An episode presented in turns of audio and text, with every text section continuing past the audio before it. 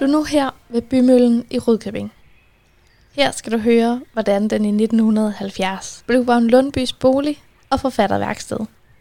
Du får også noget at høre om hans utrættelige engagement i lokalsamfundet og hans evne til at gå på tværs. I positiv forstand altså. Det var også sådan, han fik fingrene i bømøllen.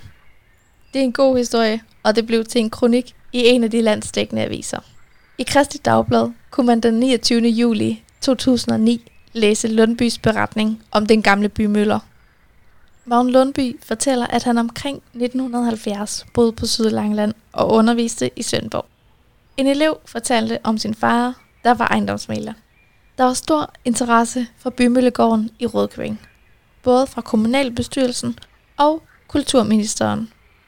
Men bymølleren vævede sig ved at sælge. Vagn Lundby blev nysgerrig og fik aftalt et møde med bymølleren og ejendomsmaleren. De kigger på stedet, stuehuset fra 1771.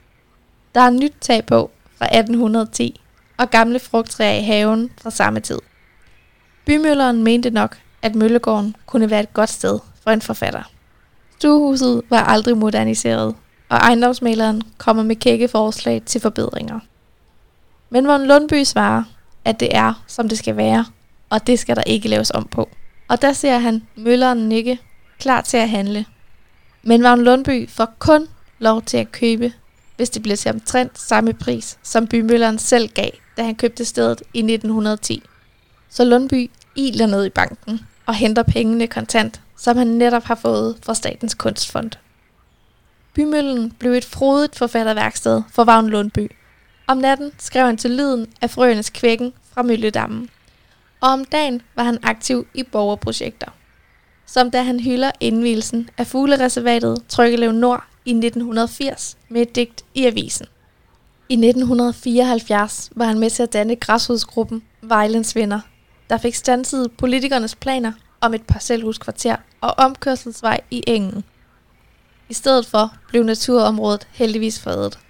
Men der var også forgæves kampe. Arbejdet for et ungdomshus omkring 1970 og opstanden mod at nedlægge sygehuset i Rudkøbing lykkedes ikke. Men borgeridéerne blomstrede.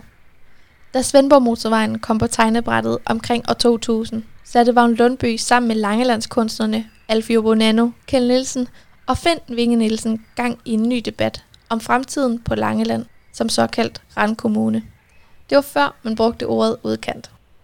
At male det kære Langeland var kunstnernes konstruktive indspark mod konsulenternes ensidige forslag om industri og turisme til at redde Langeland. I stedet foreslog kunstnerne landbrug, andelsforeninger, multietnisk åbenhed og en svømmehal på toppen af kornsiloen på havnen. Vagn Lundby kendte livet på Langeland godt, blandt andet fra sine fodrejser. Det skal du høre mere om ved næste fortællested. Gå til højre af Rostredet ned til torvet.